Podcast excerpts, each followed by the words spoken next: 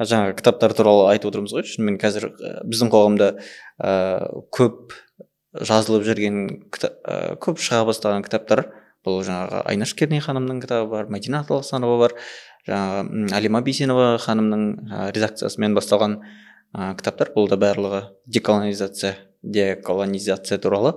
Осы жалпы осы ұғымның ә, анықтамасын және оның бәлкім қазақшасын ыы көрсөк көрсек болот. Мисалы отарсыздануу отарсыздандыруу деген түсініктер бар го қазір. Иә мен бұл жерде үш сатыға бөлейін сұрағыңызды. Біріншіден жалпы бұл үдеріс неліктен пайда болды және қашаннан пайда болды және сіз айтып өткен ғылымдардың кітаптары шыға бастағаны туралы. Екіншіден бұл ұғымның жалпы айналасын ара жігін ажыратып кету керек және үшіншісінде қазақ тіліне қатысты аудармасы қандай иә. Біріншіден мысалы сіз айтып өткен мадина тластанова да айнаш мұстаяпова да ол фейсбукта керней кітабының авторы бойынша мұстаяпова алима бейсенова ол кісіден мен өзім сабақ алғанмын бакалавр кезінде. Ол кісілер бұны бірнеше жылдан бері жасап жүрген кісілер. Яғни қазір мені шынымен де бұл аздап жалықтырып барады ә, деколонизация академиялық шеңберлерден шығып кең құлаш жая бастады деген тестті жиі естиміз иә? Иә. Және оны көбінесе әлем бойынша бұл украинадағы соғыстан бастап қазақстанда біз ремарка жасаймыз қаңтар оқиғасынан бастау алды. Бастау емес енді бір катализатор болды деген сондай бір оқиғалар. Әрине біз оны жоққа шығара алмаймыз. Бұл шынымен де жиырма екінші жылдың қысы нақты біздің қазақстан қоғамы үшін өте қиын болды және шынымен де деколонизация үдерістерін өрбітіп жіберді. Бірақ бұл қазақстанда да кеше ғана келіп қойған құбылыс емес. Яғни оны 80-90 жылдағы ойшылдар ғалымдар жазушылар суретшілер бастаған ә, саяси тұрғыдан емес жалпы қоғамдық азаматтық қоғамның аясында иә. Ә, тіпті мысалы кеше иә бізде жиырма тоғызыншы тамыз күні ядролық қаруға қарсы сынақ иә мысалы тіпті невада семей қозғалысы да. Ол да бір антиотарлы қозғалыс деп айтсақ болады. Сексенінші жыл, жылдың желтоқсан ә, көтерілістері иә бұл да иә. бір ә, отарлыққа қарсы деп айтады қазір. Яғни бұл екі мың жиырма екінші жылдан ғана бастау алған жоқ иә мысалы. Бәлкім ол көпшілікке өте қажетті ұғым және қажетті үдеріс бола бастады иә. Себебі айтып отырған мысалы мадина тластанова бұл еңбектерін соңғы бір он емес жиырма жыл аясында жазып отыр иә. Деколонизация ойшылдарымен бірігіп анибаль киханов бар уолтер миньола бар иә. Айнаш мұстаяпова да бұл тақырыптарды ә, енді бір соңғы он жылдарда көтеріп отыр. Бұл жерде ара жігін ажырату керек. Ә, алима бейсенова мысалы профессор ол кісі постколониалдылық дискурс туралы жазған. Өйткені ол өзі постколониалды теориядан сабақ береді иә университетте. Ә, ал енді жалпы бұл ұғымды алатын болсақ ұғым ретінде негізі деколонизация бар деколонизейшн және деколониалити. Деколониальность орысша қазақша отарсыздық. Яғни деколонизация деп отырғанымыз ол біріншіден саяси үдеріс иә. Яғни оның классикалық анықтамасы және бастамасы ол жиырмасыншы ғасырдың ортасынан бастау алады. Яғни бұрын консенсус бойынша империя болған елдер метрополиялар олардан ажырап бұрынғы отар болған елдері егемендігін тәуелсіздігін алғаны. Бұған біз негізгі сілтеме беретін ол біріккен ұлттар ұйымының декларациясы халықтардың өзін өзі анықтауға деген құқығы иә? Және ол сексенінші жылдардың соңында бітті. Бұл саяси тұрғысынан яғни олар тәуелсіз ел болды.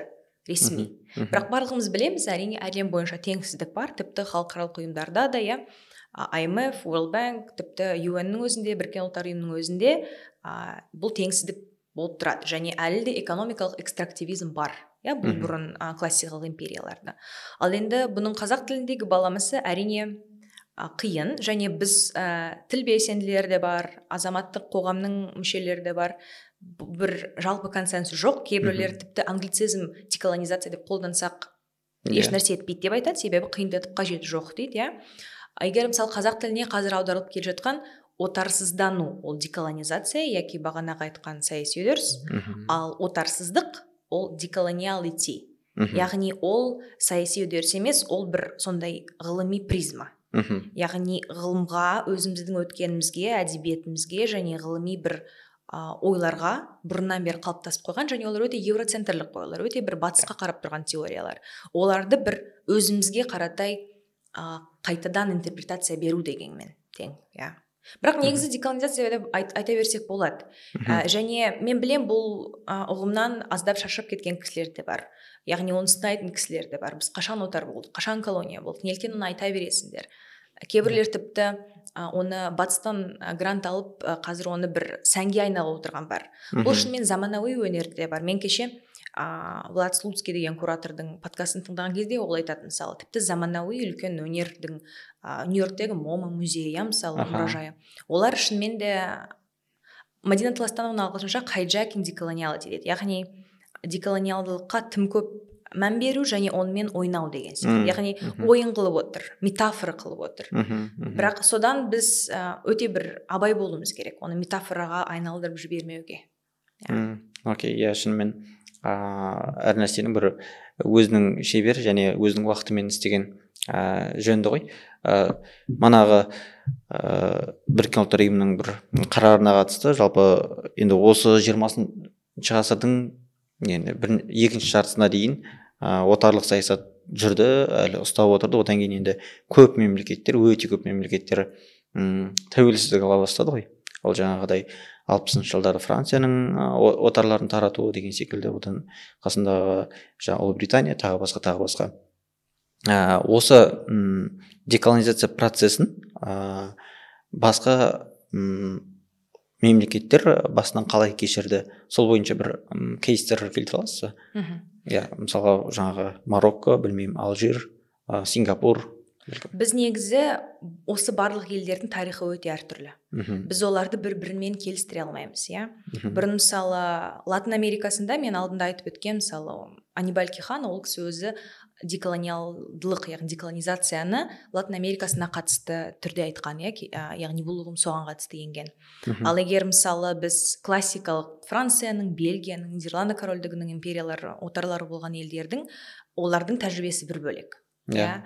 иә. Мен қазір өзім ә, сингапурға барып көргеннен оларда тіптен бөлек олардың талқылаулары да бөлек. Менің ойымша сингапурда бұл туралы талқылау жоқ та. Олардікі біздікінен де қиын біз ойлап отырғаннан қиын. Себебі азияның бұл бөлігінде ә, енді ұлыбританияның рим империясының үстемдігі бар иә? Иә. Сонымен қатар бұл жерде оларда этникалық иерархиялар бар қайтсе де. Қайтсе де олар азаматтығы сингапурлық бірегейлікті құрамыз десе бұл байқалады иә? Экономикалық тұрғыдан да байқалады. Яғни саты бойынша бөлсек қытайлықтар малайлар және үнділер үнділер иә? ә, қателеспесем оның байырғы халқы сингапурдың бұл жердің негізі тек қана жер ретінде отырсақ малай халқы иә мысалы. Олардікі бір бөлек. Және оларда мысалы біздің ә, аймағымызда біздің өмірің, өңірімізде жүрген украинаның соғыс ә, украинадағы соғысқа қатысты дискурс оларға жетпеген де. Өйткені олардың ә, бұл әлемнің бөлігінде олардың зары бөлек иә. Олар басқа нәрсемен көріседі. Сондықтан әрине ә, біз өзіміздің кейбір қарап отырған дискурстарымыз әлемнің барлығына келіңкіремейді. Және бұл жерде өте маңызды айта кету керек барлық теориялар олар батыста пай- пайда болған емес бірақ енді евроцентрлік бағана айтып кеткен линза бар иә? Және мысалы біздің өңірге біздің мемлекетке бұның қатысы бар бірақ біз калькалап оны айта алмаймыз неліктен? Себебі классикалық империялар немесе отырықшы империялар бар иә? Отырықшы колониализм деген бар. Ол мысалы канада ақш және жаңа зеландия австралияны алуға болады иә. Себебі бұл жерде байырғы халықтар әлі де бар. Және байырғы халықтар мысалы канаданың өзінде иә резервацияларда әлі де тұрады. Оларда мысалы ә, бұрын boarding schools деген болған. Яғни байырғы халықтың балалары қызылдары ә, метрополия яғни отаршы мемлекет келген кезде сондай бір мектептерге жіберген иә. Және қазір мысалы канадада бұндай мектептердің тарихын ақтарған кезде ә, балалардың кәдімгідей мәйіттері пайда болады. Яғни бұл балаларға жылдар бойы бұндай мектептерде не болғанын ешкім білмейді иә. Кейбіреулер мысалы аман қалды. Аман қалған ұрпақтары әзірге бұл туралы сыр шертуге енді бір травмадан аттай алмай тұр. Мхм. яғни мен бұл жерде өте бір сондай барлығы өте оңай барлығы өте түсінікті дегім келмейді. Бізде негізі кейде отарлаушы және отарланған деп ақ пен қараға әлемді бөлу бұл да бір ә, енді ағылшынша айтқанда simplification яғни Мхм. барлығын болжам енді қалай айтсам екен? Барлығын бір ә, жос, енді барлығын бір ретінде біркелкі ретінде қарастыруға болмайды. Иә иә. Иә. Аха бес саусақ бірдей емес дегендей Иә, ғой иә. дұрыс. иә иә. Бәрін немесе қарабайыр қылуға болмайды әрине. деп түсінуге болады иә. Ыыы жаңағы канадаға қатысты ол шамамен ә, геноцид сияқты бір процесс па яғни ол травма болса біздің енді ашаршылық сияқты дүние ғой. Мм. түсінуім бойынша иә әлде олай емес па мен бұл жерде салыстырмайтын едім геноцидпен негізі геноцид деген өте бір сондай халықаралық құқық тұрғысынан өте ә, қиын иә себебі көп нәрсені қазір геноцид деп қабылдай алмайды. Мысалы тіпті ә, армян халқы мен түрік халықтарының иә мысалы мың тоғыз жүз қателеспесем енді он төрт па он үшінші жылы иә мысалы армяндар геноцид деп отырғанды мысалы түркия мойындамайды иә. Yeah, yeah. әлем бойынша бұны геноцид деп мойындаған мемлекет қанша? Ақш мойындады жарайды. Бірақ әлем бойынша консенсус жоқ. Сондықтан әрине геноцид ұғымын да біз өте бір мұқият қолдануымыз керек. Иә. Бірақ әрине қырып жою енді біз өзіміздің түсінігіміз бойынша бір ағылшынша айтқанда common sense иә. Әрине біз оны геноцид деп қабылдаймыз бірақ оның жолдары әртүрлі болды.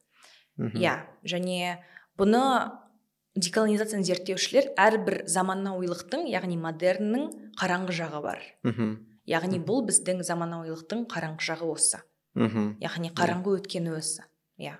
Иә. Жаңағы қараңғы өткенге қатысты ә, біздің де қараңғы өткеніміз бар ғой. Ол енді кеңестік үкіметке байланысты немесе оның алдына келсек енді патшалық ә, ресейге немесе ресей империясына байланысты. Ә, біз осы посткеңестік ә, аймақтағы ә, деколонизация процесін көре аламыз. Яғни ол біз бізде ол процесс жүріп жатыр. Ә, бәлкім енді орталық азияда қалай болып жатыр бәлкім мына балтық елдерінде енді ол кісілер ол елдер м аз уақытта болды ғой ол кеңістікте ыыы сол иә. жағына қатысты өзіңіздің бақылауыңызды иә бұл үдерістер ә, бүгін емес шынымен де бірнеше онжылдықтың аясында жүріп жатқан процесстер және жалпы кеңестік ә, бұрын кеңес үкіметінің құрамында болған елдерде ол тек қана тәуелсіздік алған жылдардан емес иә. Ол мысалы сексенінші жылдардағы ұлт азаттық ә, көтерілістер бар ә, диссиденттік ә, ағымдар бар иә. Мысалы біз ол туралы қазір көп талқыламаймыз ғой. Тіпті мысалы сексен алтыншы жылдың желтоқсан ә, көтерілісі желтоқсан қырғыны оқиғасы деп жатады. Негізі мысалы желтоқсан оқиғасы деп айтқан өте бір оны диана құдайбергенова деген әлеуметтанушы өте қатты сынайды. Yeah. Иә. яғни біз оқиға дегенде біз оны өте бір нейтралды жауып тастағымыз келеді иә? Өйткені қазіргі модерннің қараңғы жері осы иә мысалы. Сексенінші жылдарды басталды мысалы грузияда сексен тоғызыншы жылдың тоғызыншы сәуірі иә? Yeah. оларға да өте бір сондай маңызды күн. Келесі сіз айтқан мысалы балтық елдерінде деген сияқты иә? Егер біз бұл үдерістерді салыстырсақ әрине бұл жердегі деколонизация ол сонымен қатар десоветизациямен қатар жүреді иә? Дерусификациямен қатар жүреді. Әрине үшеуінің арасында біз теңдік белгісін қоя алмаймыз иә? Және бұл жерде өте маңызды ремарка айта кету керек. Біз оны айтқан кезде біз өткенімізден бас тартпаймыз. Яғни көбінесе деколонизацияны сынайтын кісілер мысалы сендер асыра көп қолданасыңдар деген кісілер олар айтады онда сонда мен барлығынан бас тартамын ба? Барлығына жоқ деймін ба? Мектепте оқығаныма жоқ деймін ба? Жоқ. Сен керісінше оны оқи отырып оған сыни көзқараспен қарауға тырысасың иә? Яғни біз бас тартпаймыз. Біз өткенімізден бас тартпаймыз кеңестік өткенімізден бас тартпаймыз. Бірақ негізгі бұл жердегі қиындық ол ә, сіз айтып өткен мысалы иә патша үкіметі бір болды ары қарай yeah. кеңес үкіметі. Yeah. кеңес үкіметінің идеологиясы бойынша патша үкіметінің яғни олар деколонизацияны жүргізді олардың идеологиясы бойынша. Иә империяға иә яғни патша империясы консенсус ретінде империя болды. Мхм алдында айтып өткен классикалық империялардан әрине оның айырмашылығы бар. Ол мысалы нидерланд корольдігі бельгия сияқты франция сияқты отарлы ә, практикалар емес бірақ ол жақта да отырықшы колониализм болды иә.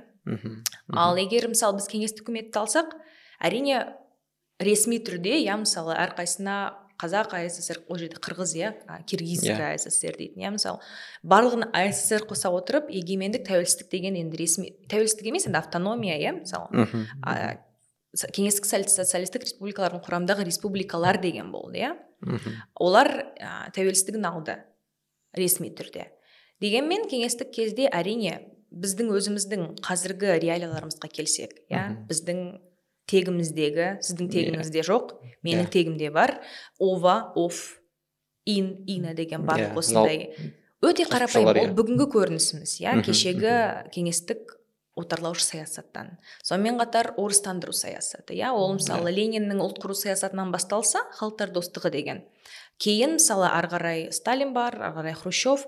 Брежневтің кезінде мысалы орыс тілі тіпті престиждің тіліне айналды иә. Мысалы бізде қазақстанда бір ә, шарықтау шегі оны көбінесе ғалымдар брежневтің кезеңінде айтады. Яғни орыс тілінің престиж тіліне айналған кезі иә.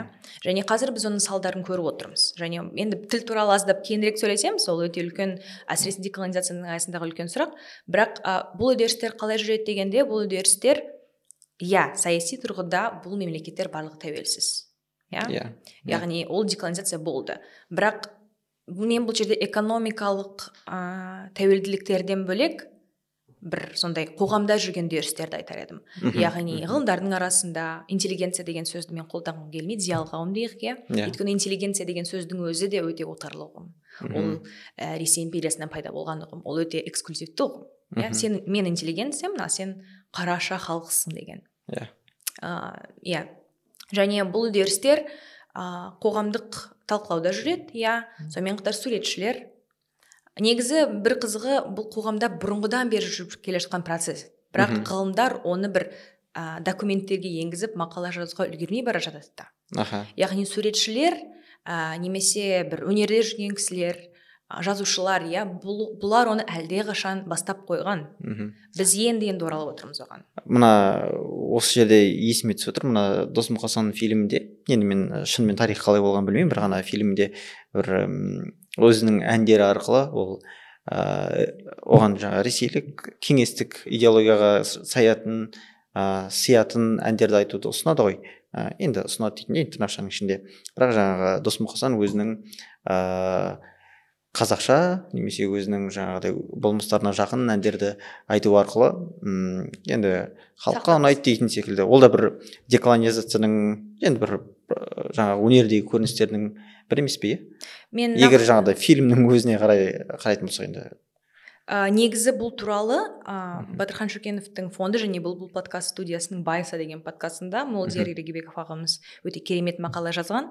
Мен оны тыңдауға кеңес берер едім. Сіз айтып отырған қаншалықты олар ә, ол кездегі режим мен жүйеге қарсылық емес енді сондай өнердің қарсылығы. Иә. өнердің қарсылығы бөлек оны түсіну керек оны интерпретациялау керек. Әрине бұл да болды. Мхм, а, қаншалықты оларға бір өздері отырған жүйені енді жойып қырып ондай мақсат болмаған шығар. Бірақ әрине олар өзінің кім екенін сақтап қалғысы келді иә. Себебі қазір мысалы бұл көбінесе өнерден көрінеді иә? Өте қатты суретшілерден ол бір бөлек. А, бұл туралы целинныйдың бір а, басылымында онлайн басылымда диана құдайберген деген әлеуметтанушы өте үлкен ауқымды мақала жазған қазақстанның суретшілері және олар қаншалықты протесттік сондай бір а, ағымдарға қатысы және олар қаншалықты отарлық отарсыздану үдерісін әлдеқашан бастап қойған деген сияқты иә?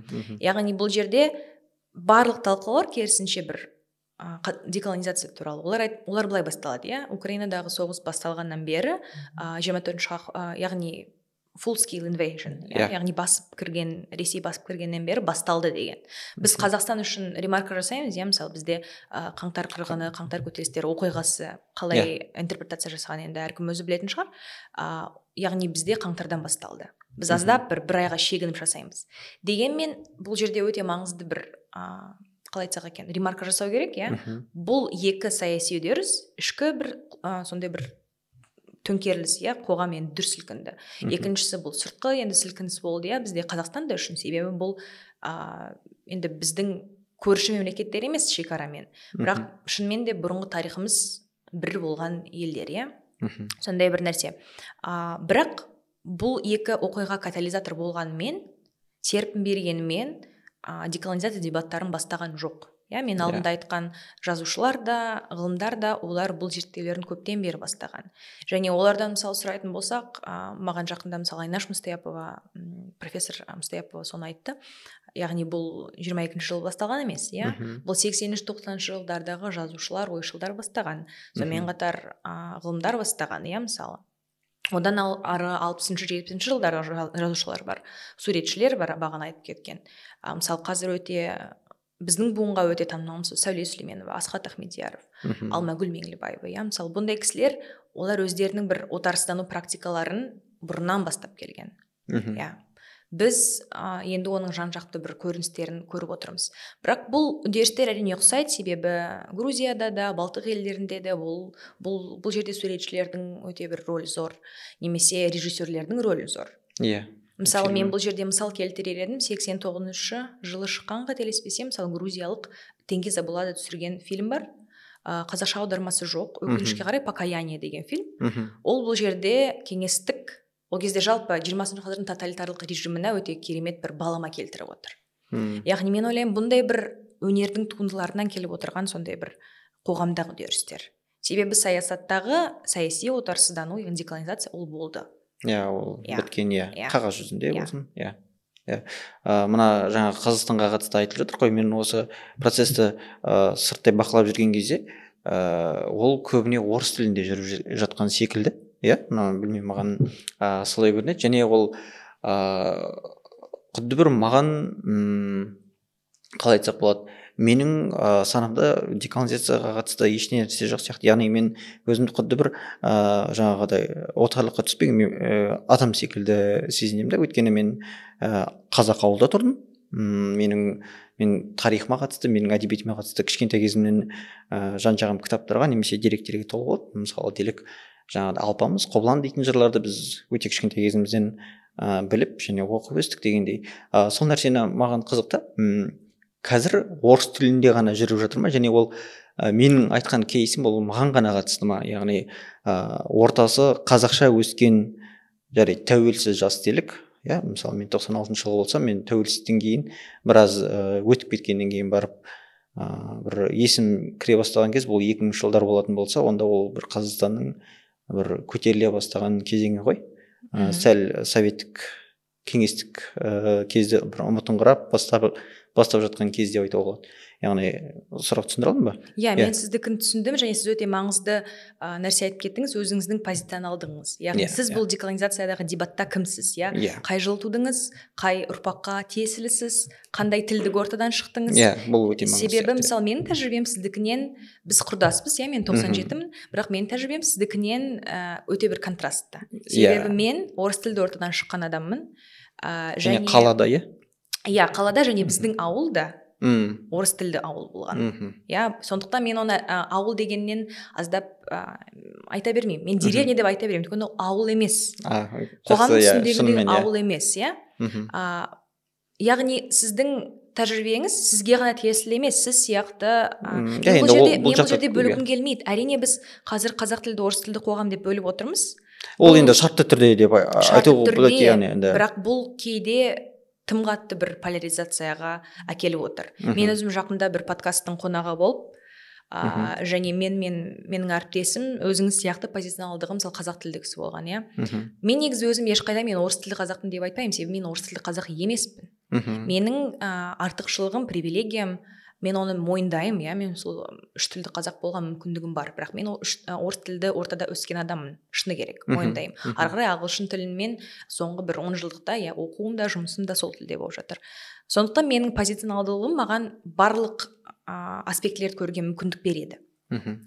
Ә, сіз айтып отырған тезис иә мысалы деколонизация тек қана орыс тілді ортада болып отырған деген сияқты. Әрине орыс тілді және қазақ тілді орталардың қоғамның бөліктерінің деколонизациядағы айтар сөздері де бөлек иә. және олардың ә, тәжірибесі. тәжірибесі де бөлек бөлек. және олардың травмалары да бөлек. Мхм иә? бұл жерде біз травмаларды салыстырмауға тырысуымыз керек. Иә ол енді. кім көбірек деколониалды деген сондай бір жарыс болмау керек. Мхм, әрине мхм. мен сіздің сыныңызды түсініп тұрмын не туралы айтатыныңызды. Мхм. бұны тіл белсенділері де жиі айтады. Иә Иә. мысалы жақында айнель әмірхан деген подкастер екеуміз прагада болғанбыз бір фестивальда. Мариям наем деген украиналық ә, белсендімен және зерттеушімен подкаст түсірген. Мхм ол кезде олардың негізгі бір тезисі отарсыздану тілсіз жүрмейді. Мхм бағана сіз айтқан мысалы көрші елдегі тәжірибе иә? Иә. Украинаны айттық. Ол жақта ә, тілдік дебаттардан басталды иә өйткені белгілі бір жылға дейін киев өте орыс тілді қала болған. Мхм және мысалы киевтен шыққан әртістер ресейдің сахнасында өнер көрсеткен иә оны Иә. естен және бұл процестерді тоқтату арқылы және бұл процестерге төтеп беру арқылы деколонизациядағы дебаттар жүре бастаған иә мысалы біздің ә, заманауи тұрғыдан. Грузияның өзінде иә? Бұл жерде Иә. бұл екі мысалды біз жиі айтып отырамыз. Себебі олардың бір ә, біз үшін кейде бенчмарк деп көрінеді да мысалы. Мхм. яғни олардың бір тілдік сондай саясат деген сияқты. Бірақ бұл жерде маңызды нәрсе мадина таластанова былай деп жауап береді. Оған да сын айта алады ғой мысалы. Біз отар, отаршының отарлаушының тілінде иә иә. отарсыздану туралы дебаттарды жүргізе аламыз ба? Иә. А, деколонизацияның тұрғысынан жүргізе аламыз. Себебі деколонизация негізінде инклюзивті. Иә? Яғни сіз орыс тілінде де бұл туралы сөйлей аласыз. Мхм. Өйткені бұл да бір адамдардың тілдік кімдігінің біре- бірегейлігінің бөлігі. Бірақ өкініштісі егер сөйлейтін тіліңіз тек қана орыс тілі болып қалса. Иә. Бұл өкініштісі. Иә.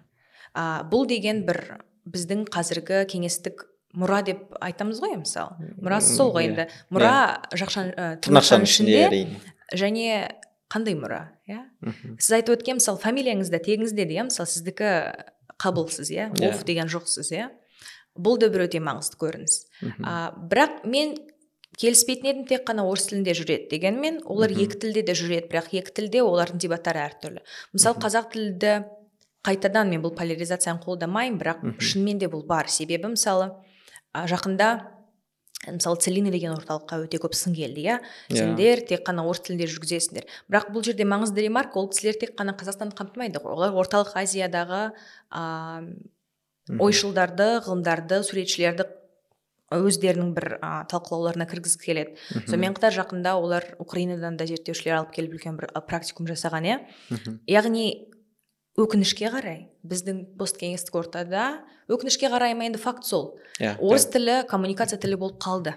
Орталық азияда біз өзіміз әлі бір лингва франкамыз пайда болған жоқ иә? Иә, әлі орысша орысша сөйлесеміз біз иә, мысалы тәжік өзбек қырғыз қазақ түрікмен болып кездессек Мхм. біріншіден не не орыс тіліне не ағылшын тіліне көшермедік иә? Көбінесе орыс тіліне өйткені бірінші рет енді бір сөйлеген алдымен орыс тіліне көшіп кетеді. Иә. бұл алдында айтып кеткен ыыы кеңес үкіметінің иә? бұл жерде отар енді тілдік отарлау болды. Және Иә. біз тілдік отарлаудан бұл республикалардың арасынан қазақ қазақ тілі иә ең бір зардап шеккен тіліміз. Мхм. біз армяндар сияқты грузиндер сияқты өзіміз жазбамызды қалып қалдырып кете алмадық иә? Және бұл да кеңес үкіметінің этностық иерархиялары. Мен бұл жерде тез қосар едім. Нәсілшілдік деген бар Мхм. кеңес үкіметінде нәсілшілдік деген ресми түрде болған жоқ Иә. бірақ бізде барлығын этностық қанға тіреп қойған Иә. яғни славяндар бар орыстар иерархия жүрген а, Мхм. содан кейін кавказдық бар және азиялықтар бұл иерархияда ең төменгі сатыда тұрған орта азиялықтар иә орталық азиялықтар а, соның яғни бұл барлық үдерістер біздің қазір орыс және қазақ тілділіктің айырмашылығына алып, алып келіп отыр иә мен ойлаймын қазір әрине деколонизациясының қозғаушы күші бірінші біріншіден емес бірақ өте маңызды бөлігі тіл белсенділері иә Иә, иә. және бұл біздің посткеңестік қалпымыз өйткені 2023 жылы иә 32 жыл тәуелсіздіктен кейін қазақстан деген мемлекетте қазақ тілі үшін күрес деген енді ойға сыймайтын нәрсе болу керек еді Иә, әрине. бір, әрине, бір иә. мінсіз бір ә, қоғамда Иә. бірақ біз мінсіз емеспіз біздің тарихымызда қарадақтар көп иә және қазақ тілінде де орыс тілінде бұл дебаттар жүреді бірақ тек қана орыс тілінде жүрсе бұл проблема келісемін бірақ егер сіз орыс тілінде сөйлейсіз бұл дебатта сіздің орныңыз жоқ деп біз айта алмаймыз. Мхм. мен бұл жерде ә, енді бұны тек қана қазақ тілінде жүргізетін ә, менің әріптестерім достарым таныстарым немесе көретіндер ренжіп қалмасын мен оларға сіздердікі дұрыс деп айтқым дұрыс емес деп айтқым келмейді Иә, иә, иә. деколонизация ол инклюзия Аха. Біріншіден инклюзия ол барлығына орны бар өте үлкен дебат. Сондықтан әрине иә екі тілді ортаның ауыртпалықтары екі бөлек. Мхм. бірақ оны түсіну керек неліктен? Екі ортаға да оны түсіндіру керек. Неліктен сіздер қазір бір бірлеріне бәлкім ренжіп отырған да шығарсыздар М, енді ренжи ғой емес дегенмен менде енді мындай бір бір логика келіп тұр да. Егер енді мына деколонизация процесі енді ол тарихқа қатысты мәдениетке қатысты әрине тілге қатысты. Егер ә, мысалы шартты түрде делік ә, бір сценарийді ойлап көрсек ә, орыс ә, тілінде ә, осы процесті жүргізіп жүрген ә, қоғам делік ә, қазақ тілін үйреніп қазақ ә, тарихын ә, жаңаша танып және мәдениетін жаңаша тани бастаса ол ә, ол процесті тездете ме? Яғни- олар ә, бұл жерде түсінесіздер ме? олар орыс, орыс тілінде бұл мәдениетті оқымады дегенді кім айтты иә? Жоқ жоқ ол- олар, орыс тілінде де бұл мә- мәдениетті танып қойған болу керек. Мен бұл жерде қазір коммент егер ертең пікірде маған жазбасын мынаны ақтайды ананы ақтайды деп ешкім маған ренжімесін. Бірақ ә, мен түсіндіргім келетіні әрине тілмен мхм. өйткені мысалы француз әлеуметтанушысы пьер брюдио деген бар. Аха. Ә, көрдіңіз бе аздап бізде білімнің отарлығы иә біз бір Иә. батыстық аттарды атай береміз сілтеме бере береміз бірақ Ә, және ә, университеттерінде иә, мысалға университет пен мұражай ең колониалды жоба Иә. әлемде Иә. университет және мұражай иә ең бір колониалдылықтың ә, қалай айтсам екен ә, жемісі иә мхм. бірақ өкінішке қарай екеуіне де жақын болғымыз келеді иә білім алғымыз келеді мына жаққа барғымыз келеді сіздің сұрағыңызға оралсам ә, әрине тіл арқылы мүлдем басқа эмоциялар келеді. Мен өкінішке қарай енді әлеуметтік лингвист емеспін бірақ бұл жерде мен әлеуметтік лингвисттерге ә, үндеу жасайтын едім. Иә олар бұны түсіндіре қойсын деп көбірек. Мхм. бірақ өзіміздің өзімнің сезімім бойынша әрине тіл саған басқа эмоциялар әкеледі. Иә. тіл саған мүлдем басқа сана алып келеді иә а, және тіл ол көбірек мысалы әрине аудармада оқыған бір бөлек. Бірақ сен ешқашан тілдің әсемдігін көре алмайсың аудармада оқысаң. Иә ол сол Иә. тілде туу керек. Жаңағыдай кітаптарға қатысты да сол ғой. Ә, кітаптар негізінен орысша жазылып жатыр да және қазақшаға аударылып жатыр. Қателеспесем иә. Иә бізде былай ғой мысалы тіпті ағылшынша шыққан кітаптар жылдар бойы орыс тілі деген орыс тіліне аттап қазақ тіліне аударылады. Яғни екі сат аудармадан өтеді да мысалы. Сондықтан мен мысалы өте қатты сыйлайтын степан уорлд баспасы. Иә раиса қадыр ханым сонымен қатар редакторы назгүл қожабек ол кісілер мысалы олардың еңбегі деколониялық дискурсқа деген. Өте бір олар өте маңызды авторлар қазіргі таңда қазақстанда. Себебі неге? Олар орыс тілі деген саттан аттамайды. Олар оригиналдан бірден қазақшаға аударады. Мәселен жақында тоғжан қасенованың кітабы аударылды иә атын иә. улаған дала ол кісі оны бастапқыда ағылшынша жазды мхм. бірақ қазақ тілінде қателеспесем динара мәдина аударды иә иә. өте сапалы керемет аударма мен орыс тілді барлық достарыма құрдастарыма айтатыным оқыңдар мхм. мхм. басында қиын болуы мүмкін бірақ маған сеніңдер бұл шынымен де өте оңай аударма оңай болғанда оңай оқылатын өте жеңіл оқылатын Иә. әрине моральдық тұрғыдан ол өте қиын кітап ауыр кітап бірақ а, оның аудармасы өте сапалы Иә. яғни оқимын десеңдер иә? Ә, ал әдебиет және мәдениет арқылы иә бұны кейде кейбіреулер айтады тіпті зерттеушілер де бар. 91 қазақ тілінің популяризациясына өте бір үлкен үлес қосты. деп айтады иә шынымен де мысалы тіпті ою фестивалінің өзі иә алматыда өткен. Мен ойлаймын бұл да бір ә, қаншасын айтылса да креаторлардың арасында отарыстануға олардың да бір ә, септігін тигізіп отырған жас буын иә? Мхм. өйткені олар не істейді? Олар ресейден әртіс шақырмайды. Мхм. олар бұрын мысалы бізге міндетті түрде бір ресейдің үлкен артисі хедлайнер болу керек деген істемейді Иә. олардың хедлайнерлері өзіміздің қауымнан шыққан әртістер иә Иә. әрине бұл жерде де сын бар себебі мен бір нәрсені айтып айтып отырмай отырмын ол мысалы отарсыздану патриархатқа да қатысты мхм. яғни біз бағана қанша кісілерді айттық олардың көбі әсіресе тарихта ер адамдар мен өзім бұн- бұған зерттеу жасап жүргендіктен айтып кете алмаймын айтпай кете алмаймын яғни тіпті сіз айтқан мысалы алаш басында иә? алаштың өзінде де әйелдерді атамай отырмыз.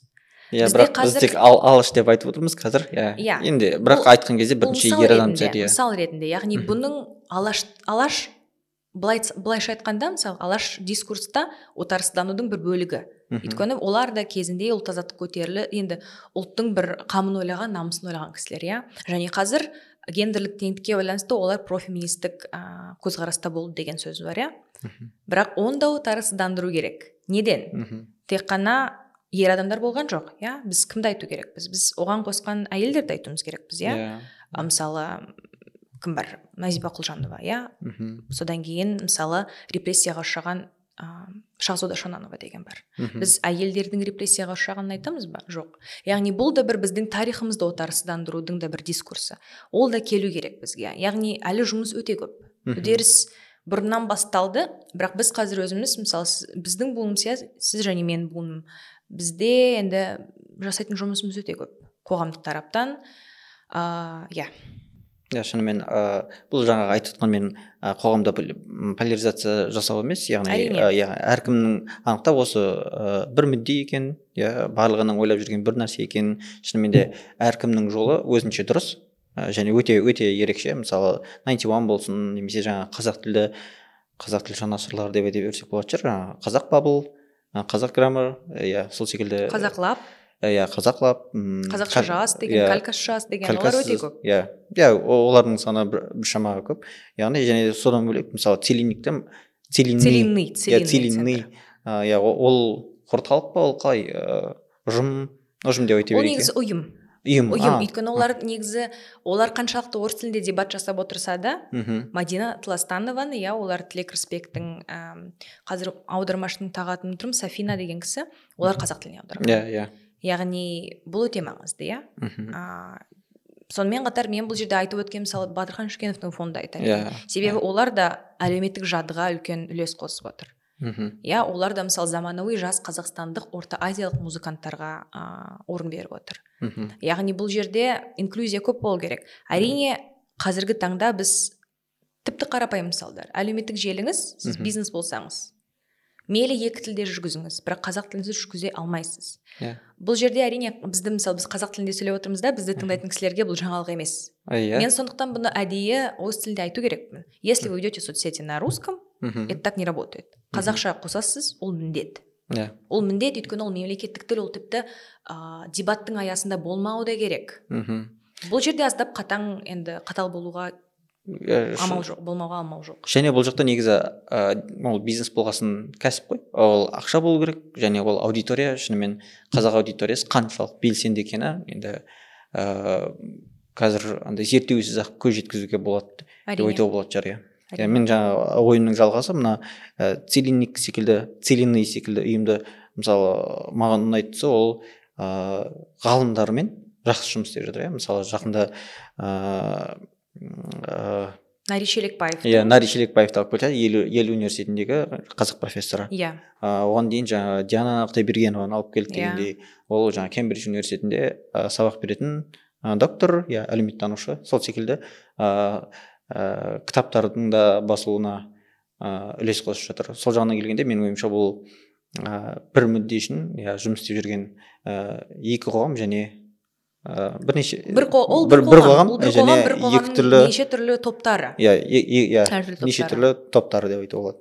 Сондықтан бұл енді жаңағы ортақ консенсус қой негізі бәрімізге керек иә иә. Әрине ә, мен сізбен толықтай келісемін бұл ғалымдардың шынымен де қазір бір азаматтық ғылым деген бар. Мхм. Иә яғни ғылым тек қана иә яғни ғылым тек қана институттардың төңірегінде қалмау керек. Мысалы сіз жасап отырған жоба бұл да бір әлеуметтік азаматтық ғылымға деген қосып отырған үлес. Мхм. Яғни біз қорытып үйренген нәрселер білім тек қана біздің бір жазған мақалаларда қалмау керек. Иә оны адамдарға айту керек. Және ең әдемісі де сол иә ең бір сондай ә, керемет те сол қоғамның бұған деген сұранысы бар. Бұл да бір яғни отарсыздануды деколонизацияны түсіндірген кезде бұның барлығын түсіндіру керек. Яғни біз неліктен қазіргі орыстандыру саясатының салдарын көріп отырмыз иә? Неліктен ә, халықтар достығы деген кеңес үкіметіндегі өткен шақ ол достық дегеннің бір оның да қарадақтары болады иә. иерархиясы болады. Тіпті біз өзіміз қазір барлығын ұлт пен этносты шатастырып отырғанбыз иә. Бұл да бір соның салдары. Яғни бұрын ұлтпыз ба нациямыз ба кімбіз дегенмен иә? Біз саяси ұлт дегенді қалыптастыруымыз керек азаматтық ұлт дегенді қалыптастыруымыз керек. Ал әрине әркім өзінің кім екенін сақтап қалғысы келеді. Әсіресе а, ашаршылықтан репрессиядан оның алдында неше түрлі а, ауыртпалықтардан зардап кешкен қазақ қоғамына бұл Мгм. аса маңызды иә? Иә. Қан тек деген сияқты. Бірақ біз инклюзивті болғанымыз өте маңызды. Біз моноэтникалық мемлекет емеспіз. Иә. Соны ескеру керек. Неліктен бізде мысалы ә, оны менің әріптесім серік бейсенбаев та жиі айтады қордайдан кейін иә мысалы. Біз ә, этностық азшылықтарды бұл жерде азшылықтар мен оларды төмендетіп емес жалпы проценттік саны бойынша айтып отырмын иә.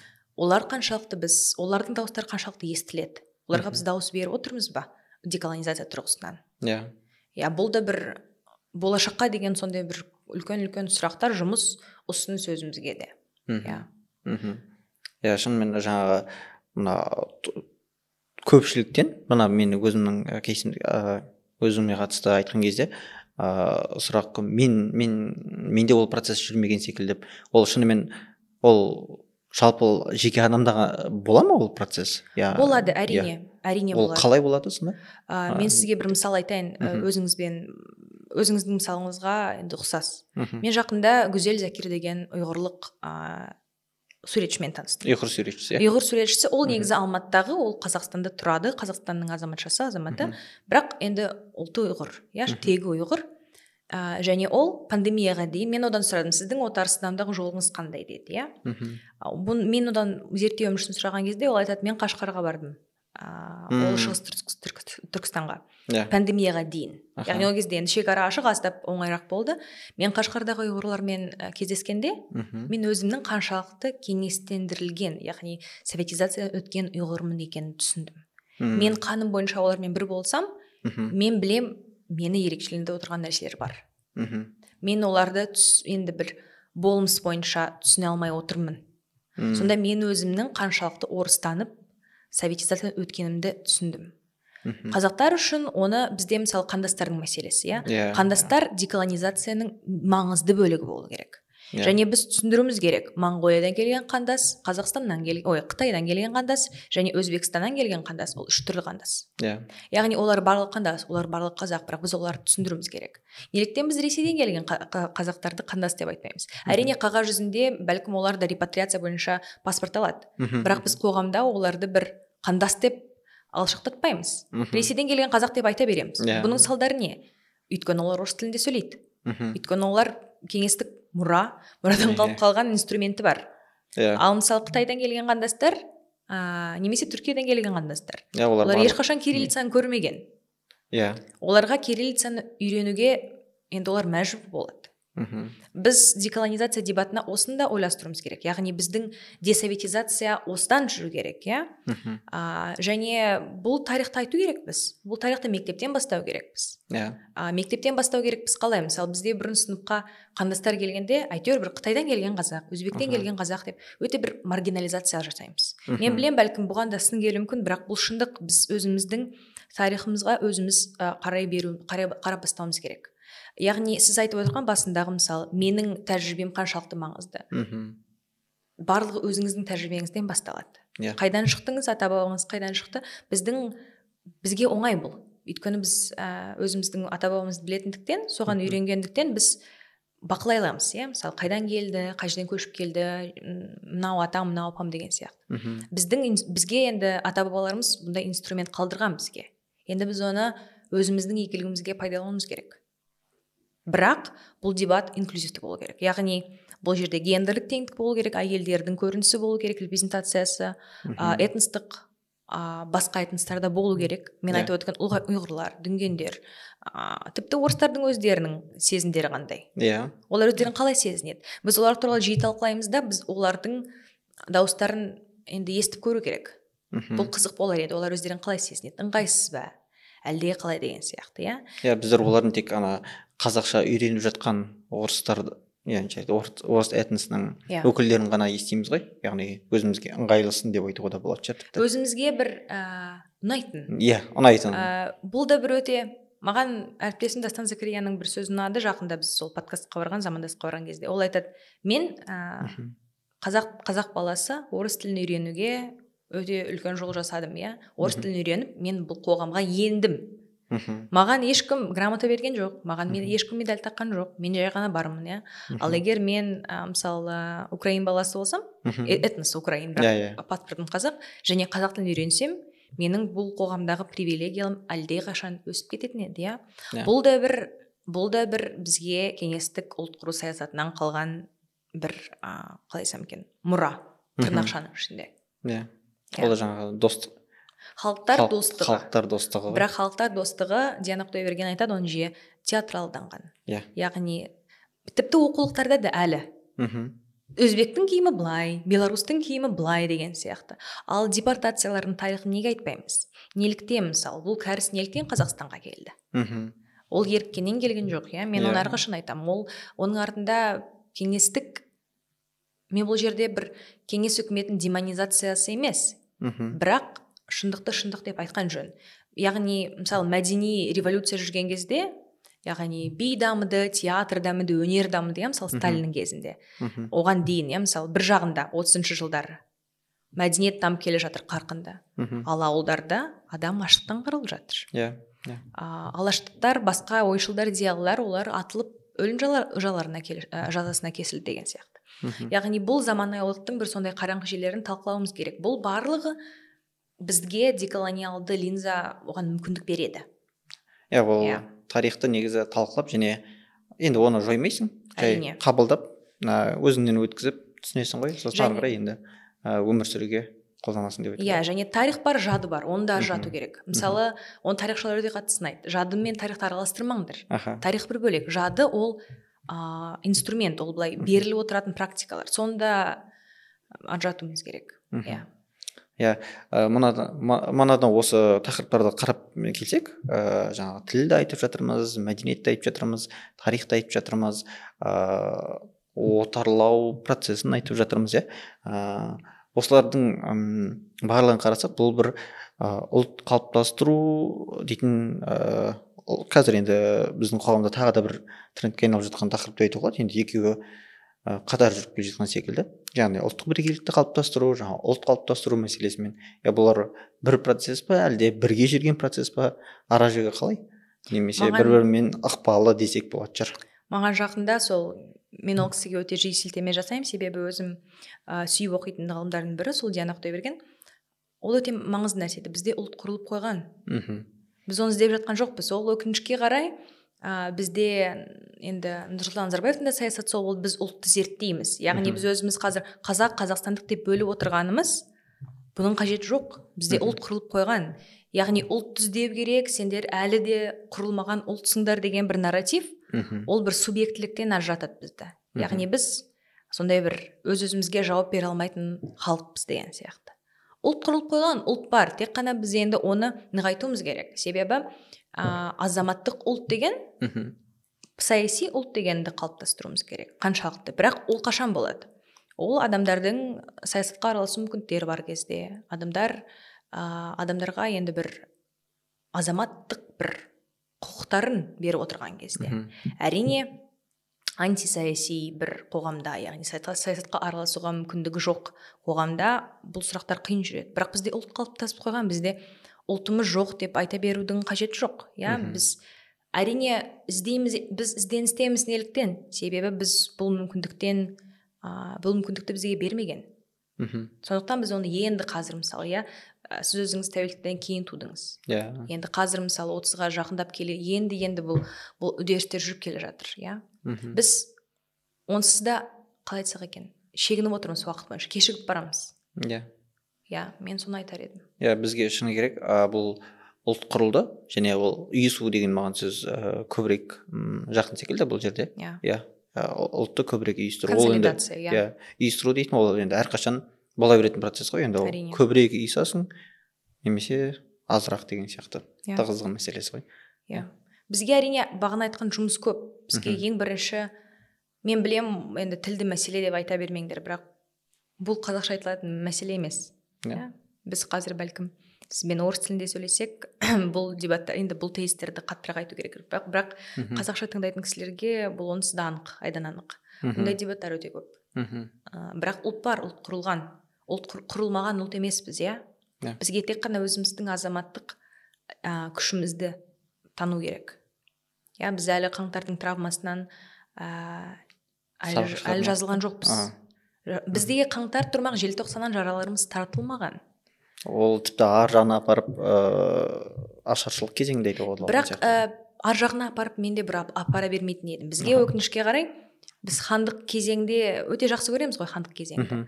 Бұл жерде бір постколониалдылықты асыра ә, қалай айтсам екен бұл жерде біз артқа шегіне беріп біз жақындағы бір тарихқа сұрақ қоймаймыз. Иә. Яғни біз томирис деген ә, патшайымды айта беріп біз әйел теңдігі үшін күрескен әйелдерді айтпаймыз иә? Ашаршылықты жоққа шығармаймыз жоқ. Бірақ мысалы ашаршылық пен репрессиялар неліктен бір күнде тойланады? Неліктен екі бөлек мейрам 31 мамырда тойланады. Иә. әрине олар бәлкім хронология бойынша бір біріне жақын және оны жүзеге асырған саясатшылар бір топтан шыққан иә?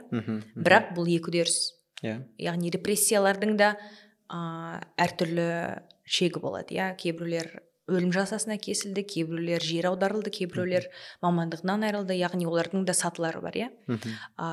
Және мен тым алысқа біз 30 жыл бойы алысқа кете береміз кете береміз. Тарих бойынша. Яғни шегіну емес бірақ біз өте бір сондай алыстағы тарихымызды зерттегіміз келеді да мен оны әр жерде айтамын барған жерімде. Яғни факт чек жасай алмайсың. Иә. А иә, бірақ қиын біз ол ол жақ. жақпен әлек болып жүргенімізше мына жақта бір ашаршылықта әлі де бір бала кезінде оны көрген оны бір екінші үшінші ұрпақ көрген бір сондай деректерді іздеуден енді уақыт өтіп барады. Мхм. желтоқсанның ә, желтоқсанда бізбен құрдас болған бізден он жас кіші болған кісілер әлі бар иә арамызда. Бар. Оны анықтау керек яғни олардан оларға сұрақ қою керек. Өйткені біз әлі де желтоқсан оқиғасы дейміз иә біз, ә- біз әлі одан оны бір ашық талқылаудан қорқамыз мхм. Бірақ біз оны да бір деколонизацияның өте бір маңызды үдеріс ретінде көру керекпіз. Себебі бұл отарлы саясатқа қарсы болған.